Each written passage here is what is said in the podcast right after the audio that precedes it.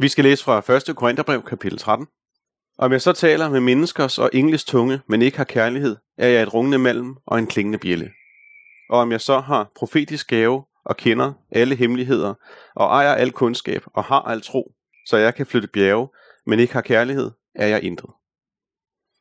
Og om jeg så uddeler alt, hvad jeg ejer, og giver mit læme hen til at brændes, men ikke har kærlighed, gavner det mig intet. Kærligheden er tålmodig, kærligheden er mild, den misunder ikke, kærligheden praler ikke, bilder sig ikke noget ind, den gør intet usømmeligt, søger ikke sit eget, hisser sig ikke op, bærer ikke nag. Den finder ikke sin glæde i uretten, men glæder sig ved sandheden. Den tåler alt, tror alt, håber alt, udholder alt. Kærligheden hører aldrig op. Profetiske gaver, de skal forgå. Tungetale, den skal forstå og kundskab, den skal forgå. For vi erkender stykvis, og vi profeterer stykvis. Men når det fuldkommende kommer, skal det stykvise forgå. Da jeg var barn, talte jeg som et barn, forstod jeg som et barn, tænkte jeg som et barn. Men da jeg blev voksen, aflagde jeg det barnlige. Endnu ser vi et spejl i en gåde, men da skal vi se ansigt til ansigt. Nu erkender jeg stykvis, men da skal jeg kende fuldt ud, ligesom jeg selv er kendt fuldt ud. Så bliver der tro, håb, kærlighed, disse tre, men størst af dem er kærligheden. Jamen først har jeg lyst til at sige uh, tak, fordi jeg har, uh, har fået lov at være sammen med jer den her weekend. Det har været en, en rigtig god oplevelse for mig.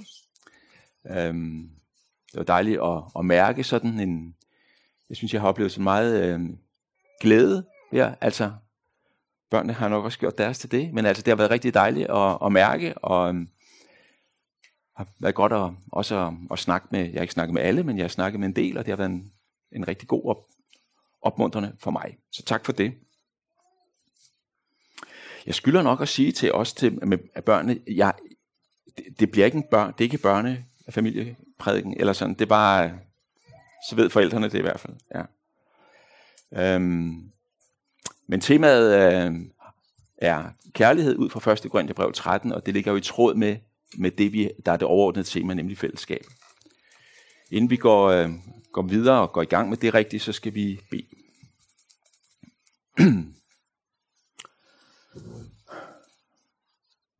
Jesus, vi takker dig, fordi at du er her. Tak fordi, at du har lovet, at hvor to eller tre er forsamlet om dig, der er du til stede i vores midte. Og Jesus, vi kan ikke se dig, men du er her, og du ser os. Du ser hver enkelt af os. Du kender vores livshistorie. Du kender vores tanker, vores følelser. Du ved også, hvor vi er lige nu, den her formiddag. Og nu beder vi dig om, at du vil sige noget til hver enkelt af os, som du kan se, at vi har brug for at høre. Og vi beder dig om, at du vil give os evnen til at opfange, hvad det er, du har at sige til os. Og at du vil hjælpe os til at tage imod det, og tro det, og leve på det. Det beder vi om din hjælp til nu. Amen. Den her, det her berømte afsnit, hvor Paulus taler om, om kærligheden, som vi har for os nu, er, øhm, er jo taget i, i en sammenhæng i, i 1. Korintherbrev, hvor Paulus taler rigtig meget om menigheden, og om menighedens fællesskab, og om de forskellige nådegaver, om øh, menigheden som et lægeme med de forskellige lemmer, der hver udfylder deres plads. Sådan har han gjort det i kapitel 12, og han fortsætter med det i kapitel 14. Og så kommer der ligesom det her indskud midt i, uh, i hans undervisning om, om menighedens mange forskellige funktioner og, og, um, og de forskellige sådan, hvad skal vi sige, øh, øh roller og, og betydninger, vi har øh, i det kristne fællesskab. Og, øh, og det han nu siger om kærlighed, uh, det åbner han med at sige, og nu vil jeg vise jer en langt bedre vej. Jeg tror ikke, det skal forstås sådan, at han så siger, alt det, jeg har sagt i kapitel 12 om, om lægemet og, og lemmerne og nådegaverne, det betyder ingenting. Det tror jeg ikke. Men det får ligesom at løfte blikket og sige, der er faktisk noget, som er det, det vigtigste i et kristen fællesskab. Som han, han kalder det en langt bedre vej. Og det er kærligheden. Og øhm, han sætter det i relief i, øh, i de første verser. Vi kommer til at læse dem sådan i bidder en gang til, så der er lidt repetition også i det. Jeg vil læse af kapitel 13, vers 1-3. Der siger han, Om jeg så taler med menneskers og engles tunger, men ikke har kærlighed, er jeg et rungende malm og en klingende bjælle. Om jeg så har profetiske gave og kender alle hemmeligheder og ejer al kundskab og har al tro, så jeg kan flytte bjerge, men ikke har kærlighed, er jeg intet. Om jeg så uddeler alt, hvad jeg ejer, og giver mit læme hen til at brændes, men ikke har kærlighed, gavner det mig intet. Det han nævner her, det er faktisk en, en lang række af, af de ting, som egentlig er højt værdsat og estimeret i den kristne kirke, og har været det igennem årene helt tilbage til hans egen tid, men også i vores tid. Ikke? Han nævner forskellige nådegaver, som værdsættes, og som vi sætter pris på, og som vi anerkender betydningen af. Han nævner det at være veltalende, den gode taler, den gode præst, den gode forkynder, ikke også? Der kan tale ordet. Han, øh, han nævner kundskab, bibelkundskab, viden om Gud. Han nævner tro. Den tro, der er så stærk, så den kan flytte bjerge. Den stærke overbevisning, troens nådegave. Han nævner mirakler, undergærninger, mægtige gerninger, gjort i Jesu navn. Og så nævner han offrene, martyret, at blive brændt på bålet for troens skyld. Fantastiske ting. Ting, som vi værdsætter, når vi ser dem og oplever dem øh, i kristne menigheder rundt omkring i hele verden. De står højt på listen alt sammen. Men så siger han tre gange, og det synes jeg faktisk er skræmmende, men ikke har kærlighed. Men ikke har kærlighed. Men ikke har kærlighed. Det er åbenbart muligt. Det er åbenbart muligt at have både nådegaver, være veltalende, være, øh, have stor kundskab, have en stærk tro på Gud, måske have udført mirakler, have bragt et kæmpe offer, måske ikke lige på bålet, så alle mulige andre ofre. Men det er, det er faktisk muligt uden kærlighed. Men ikke har kærlighed, siger han. Umiddelbart så tænker man, det, det kan da ikke lade sig gøre. Men det kan det åbenbart. Og det er anledningen til, at han skriver det her. Og hvad så? Hvad så, hvis vi har alle de her kvaliteter, alle de her kompetencer, alle, alle de her fine ting, som vi værdsætter, men ikke har kærlighed? Hvad så? Ja, så er det tom snak, så er det tomme tønder, der bulrer, siger han. Så er jeg intet, så gavner det intet. Jeg ved ikke om, jeg synes på en måde, det er helt vildt, så højt han sætter betydningen af kærlighed her. Men det gør han altså. Det gør Nyt Testamentet. Og det rejser selvfølgelig et helt grundlæggende spørgsmål, som, øh, som er vigtigt, ekstremt vigtigt. Det er nemlig, hvor kommer kærligheden fra?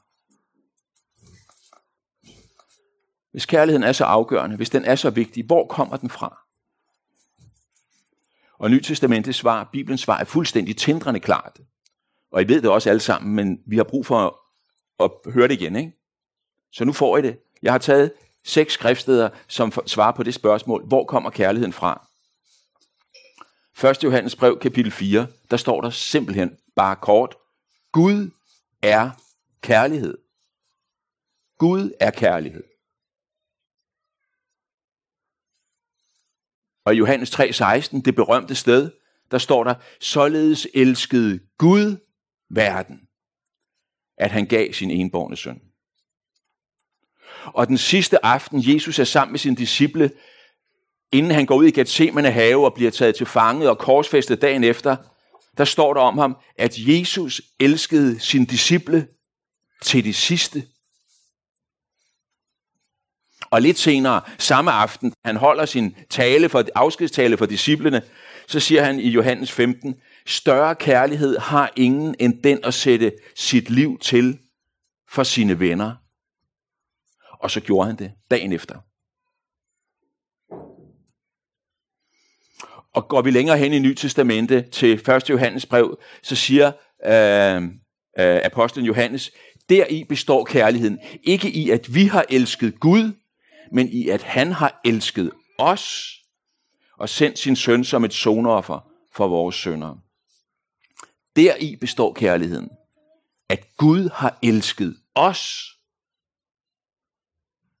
Og i samme kapitel, vi elsker, fordi han elskede os først. Hvor kommer kærligheden fra?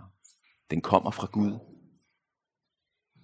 Hvor har kærligheden sit udspring? Den har det hos Gud. Hvor er kilden til al kærlighed i den her verden? Den er hos Gud. Hvor er kilden til al kærlighed i den kristne menighed? Den er hos Gud.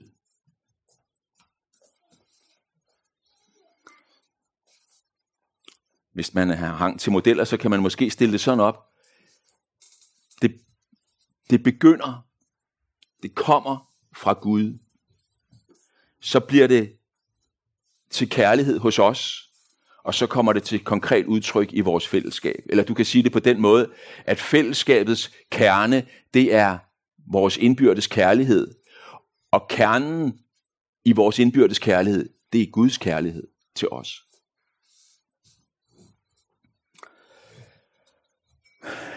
Jeg blev for mange år siden gjort opmærksom på et, på et billede på det her, som jeg, som jeg har taget til mig, og som er, er, jeg synes er for mig afklarende. Hvad er forskellen på Guds kærlighed og vores kærlighed? Hvad er forskellen på Jesu kærlighed til os og vores kærlighed til ham og til hinanden? Den er som forskellen på solens lys og månens lys. Solen er en lyskilde i sig selv. Solen lyser i sig selv. Øhm, og den øh, har et en enormt kraftigt lys. Det er jo solen, vi kan takke for, at vi har liv på jorden. Månen kan faktisk også lyse ganske kraftigt. På en klar dag og ved fuldmåne, så er det lige før, at man faktisk kan læse til månelys. Jeg tror, nogle af jer har prøvet det. Altså, man kan i hvert fald opleve, at det kaster ret skarpe skygger, for eksempel. Ikke også? Så månelys kan være rigtig kraftigt. Men månen lyser ikke i sig selv. Månen er kun et genskin af solens lys. Tag solen væk, og månen er sort. Månens lys er en refleksion. Månens lys er helt, helt afhængig af solens lys. Og sådan tænker jeg, at det er med Jesu kærlighed og vores kærlighed. Og det betyder, at når vi nu kommer til beskrivelsen af, hvad kærlighed er, som, øh, som det her kapitel er meget kendt for, som vi skal læse nu, så tror jeg, at vi går rigtigt til det, hvis vi først læser det som en beskrivelse af Jesu kærlighed til os. Kærligheden er tålmodig. Kærligheden er mild. Den misunder ikke. Kærligheden praler ikke. Bilder sig ikke noget ind. Den gør intet usømmeligt, søger ikke sit eget, hisser sig ikke op, bærer ikke nag. Den finder ikke sin glæde i uretten, men glæder sig ved sandheden. Den tåler alt, tror alt, håber alt, udholder alt. Kærligheden ophører aldrig.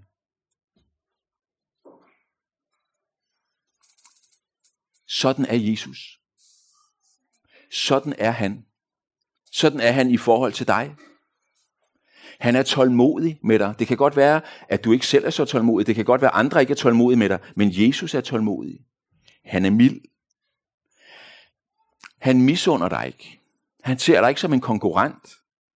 Han er ikke pralende. Selvom han overgår dig i alt, så fører han ikke frem på en måde, så, du, så han trykker dig ned. Det er jo det, den pralende gør. Han er ikke indbilsk. Hverken når han siger, at mig er givet al magt i himlen og på jorden, eller han er Guds søn, for han er det. Han gør intet usømmeligt. Det har jeg tænkt lidt på. Hvad kan der ligge i det? Men jeg tror, at det handler om, at han overskrider ikke grænser. Vi har alle nogle grænser, som, som vi går i stykker, hvis de bliver overskrevet. Og Jesus kender vores grænser. Han ved også, hvordan han skal gå til os på den måde. Han søger ikke sig selv. Han søger det, som gavner os. Han hisser sig ikke op. Han bærer ikke nag. Den er vigtig, ikke? Flere steder i Gamle Testamente, der står der, at når Gud tilgiver, så glemmer han. Han bærer ikke nag. Vi kan have ting, vi har gjort i fortiden. Jeg tror, vi alle sammen har noget. Jeg har, når jeg nu er på Bornholm, et sted hernede, hvor jeg, da jeg var ung, var på en lejr nede på, det var på Bethesda hernede. Det er ikke så langt herfra. Hvor jeg var med til at lave noget. Det skulle være underholdning, men det, det stak af. Og jeg fortryder det, og der var nogen, der blev rigtig ked af det, og jeg kan ikke gøre det om. Og jeg har det, når jeg kommer der, så dukker den op. Vi husker vores, vi husker ting, vi har gjort, vi aldrig skulle have gjort. Men Jesus bærer ikke af. Når han tilgiver, så er det væk. Så dukker det ikke op igen. Han er ikke glad ved uretfærdigheden. Han finder glæde ved sandheden. Det er den her ægthed. Han tåler alt. Han tror alt og håber alt. Det betyder også, at, at dem, som han elsker, men som har vendt ham ryggen og som er på afstand af ham, han tror og håber, han er den gode hyrde, der efterlader de 99 og søger efter det ene, øh, som, som har forvildet sig væk. Han udholder alt. Det gjorde han på korset. Han gik det længste. Han råbte til sidst, min Gud, min Gud, hvorfor har du forladt mig? For vores skyld. Og så står der, at hans kærlighed ophører aldrig. Hans kærlighed mod os. Og jeg tror også, det gælder det, man kunne kalde for hans ulykkelige kærlighed. Hans kærlighed til dem, som han ikke har mulighed for at give alt det, han gerne vil give. Sådan er Jesus. Og se, det, det er den kærligheds sol, så at sige, som skinner på os og skinner ind i dit liv. Sådan er Jesus, og sådan vil han være fortsat for dig. Og så rammer den ind i vores månelandskab. Ikke? Og så sker der noget så sker der noget. Jesus han øh, var selv optaget af det. Han siger i sin afskedstale, et nyt bud giver jeg jer. I skal elske hinanden, som jeg har elsket jer, skal også I elske hinanden. Deraf kan alle vide, at I er mine disciple, at I har kærlighed til hinanden. Som jeg har elsket jer, skal I også elske hinanden. Jesus har med sin kærlighed både vist os vejen som et forbillede, men han har først og fremmest givet os kraften. Og så kan vi læse de samme ord en gang til.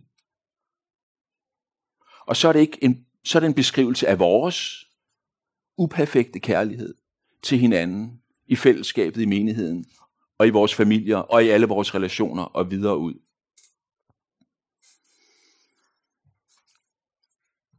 Jeg kan læse det som en en tilskyndelse, en opmundring, en vejviser. Det er den vej, du skal gå. Det er det liv, du skal leve i de forskellige relationer, du er i. Her i jeres menighed i Bornholmerkirken. Der, hvor du lever dit liv i din familie, på din arbejdsplads. Der, hvor du bor. Og jeg skal hjemme i Hillerød, hvor jeg lever mit liv. Ikke? Og afspejle det, vi har mødt hos Jesus. Og, ja, og, og, og, og vi kan lige så godt være ærlige og sige det med det samme. Det bliver uperfekt.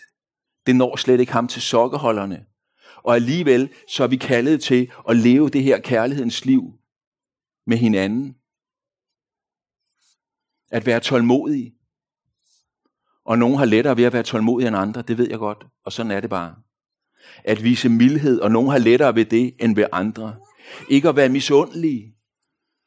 Og misundelse, det er jo sådan en af de der synder, som lever nede i vores livs kælderskakter, og som sjældent kommer til over, op til overfladen, og det, vi tør sjældent sige, at vi er misundelige, hvis vi får alvor af det.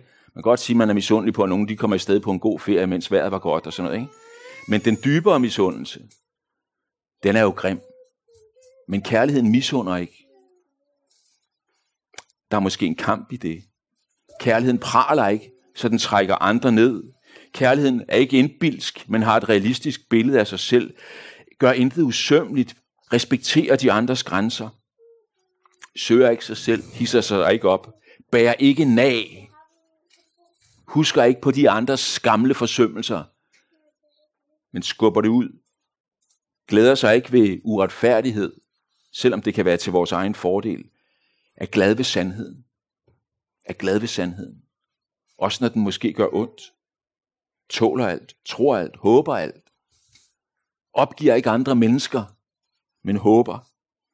udholder alt og ophører aldrig. Jeg ved ikke, hvordan I har det, når I læser sådan en og siger, at det bliver lægges ind over vores liv. Jeg har det sådan, at jeg føler mig meget lille over for det. Jeg føler mig meget lille over for det. Og ikke desto mindre, så er det, så, så er det, så er det, så er det vejskilte, så er det pile for det liv, vi er kaldet til at leve med hinanden. I er kaldet til at leve det kærlighedens liv med hinanden her i jeres fællesskab og i jeres andre relationer. Og jeg er det. Men altså, der er en, som lever det her liv perfekt og helt, og det er Jesus. I hans relation til os. Og så er vi månelys med skiftende styrke.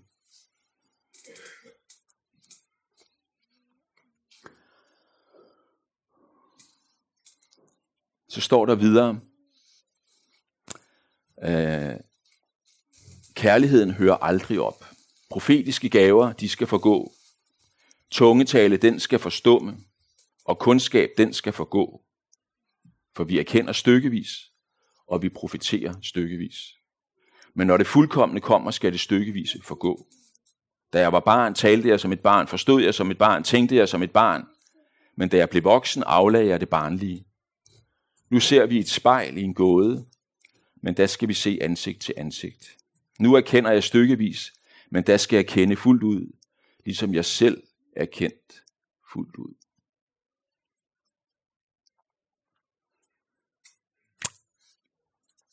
Der er noget, der er midlertidigt, og der er noget, der er blivende, for vi at vide her. Der er noget, som har sin tid, også i menighedens fællesskaber, i, i vores relationer. Og så er der noget, som har er blivende. Nådegaverne i al deres mangfoldighed, og som vi har brug for i menighederne, har deres tid, mens menighedens liv er her på jorden.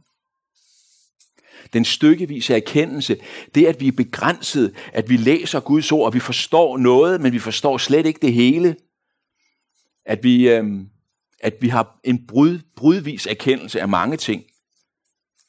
Det gælder faktisk kun i livet her på jorden. At vi, når vi taler og de profetiske ord, som lyder i menigheden og i menighedens forkyndelse, er også stykkevis. Udtalt af begrænsede mennesker, som har fået en lille bid men ikke har det hele. Ingen af os har det hele. Det barnlige perspektiv, det forsvinder. Og også det gådefulde. Vi ser i et spejl i en gåde. Der er så meget, vi ikke forstår ved Gud. Der er så meget, vi ikke forstår ved at være hans barn. Når vi oplever vores liv her, vi ser en gåde, men det gådefulde troens spejl skal heller ikke være altid. Ja, selv troen forstået som øhm, overbevisning om det, vi ikke ser, som der står i Hebræerbrevet, har sin begrænsede tid. Jeg tror så, der er andre sider ved troen, som er blivende. Tilliden til Gud, for eksempel. Og håbet. Håbet, siger Paulus, det man ser opfyldt er ikke noget håb. Så håbet har også sin begrænsede tid. Men så er der noget, der bliver. Der er noget, der bliver. Der bliver en, det, der, det, det, det, der fortsætter ind i evigheden, det er en direkte relation til Gud. En direkte relation til Jesus. Ansigt til ansigt. Vi skal se ham ansigt til ansigt. Det betyder jo, at vores fællesskab med ham befries fra alt det, som indimellem nu ligesom er filtre, som gør, at vi oplever afstand. Vi skal få en fuldkommen erkendelse. Det stykkevis er forbi det gådefulde afklares. Og så er der en ting mere, som også bliver, og det er kærligheden. Kærligheden ophører ikke. Det betyder jo, at Jesu kærlighed, den ophører ikke. Men det betyder også, at det kærlighedsliv, som vi lever nu, i al mm, ufuldkommenhed, i de fællesskaber, vi er en del af. Den kærlighed fortsætter. Nu ikke længere ufuldkommen eller perfekt, men fuldt ud.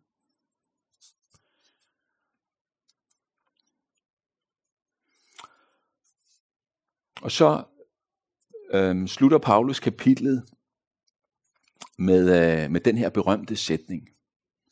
Så bliver der tro, håb og kærlighed, disse tre. Men størst af dem er kærligheden.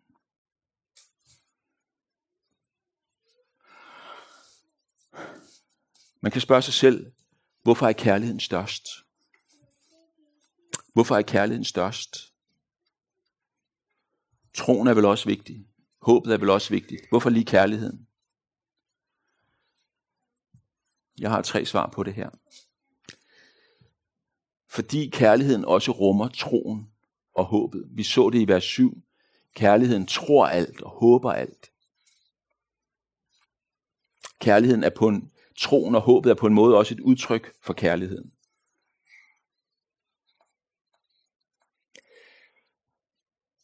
Fordi kærligheden er i den kommende verden.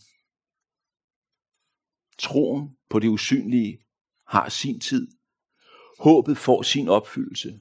Men kærligheden, den ophører ikke. Den fuldendes i den kommende verden. Hvordan, hvordan er relationen mellem mennesker og mellem mennesker og Gud i den kommende verden? Den kan beskrives med det ord, kærlighed. Hvorfor er kærligheden størst? Dybest set, fordi Gud er kærlighed. Gud er kærlighed.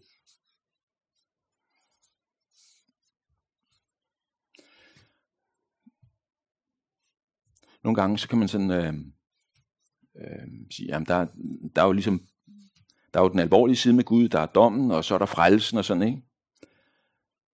Men jeg beder dig om at være opmærksom på, der står ingen steder i Bibelen, at Gud er vrede. Står ingen steder. Det betyder ikke, at han ikke kan blive vred, for Gud bliver vred i mødet med ondskaben. Men han er ikke vred. Det er på en måde øh, kærlighedens reaktion på ondskaben. Men han er kærlighed.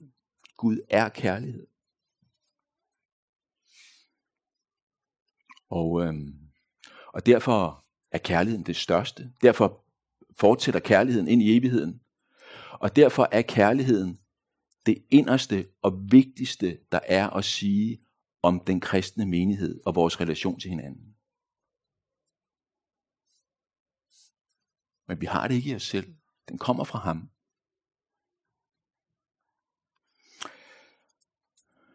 Og så til sidst, så bliver der tro, håb, kærlighed. Disse tre. Disse tre, siger Paulus. Hvorfor siger han det?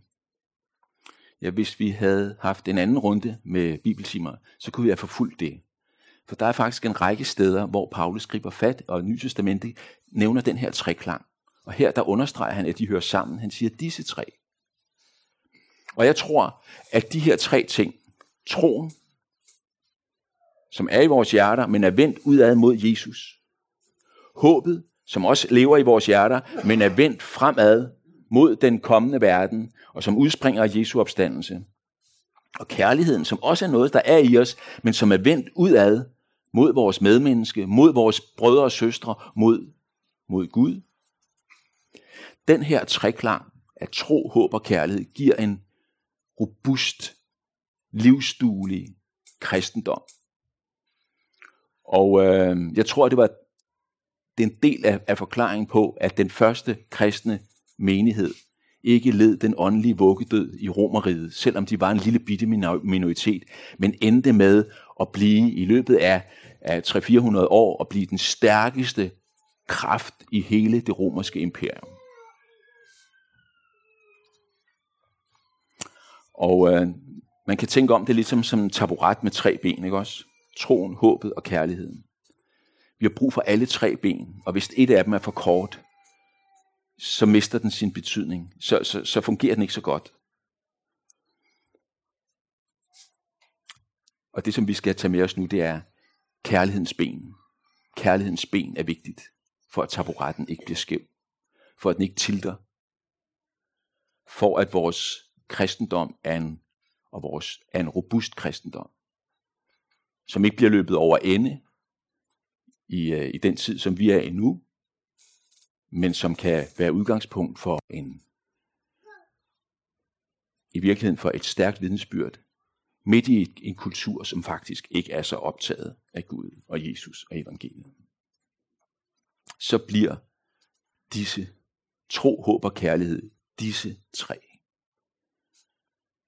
Men for den her weekend, der har det handlet om det største, kærlighed.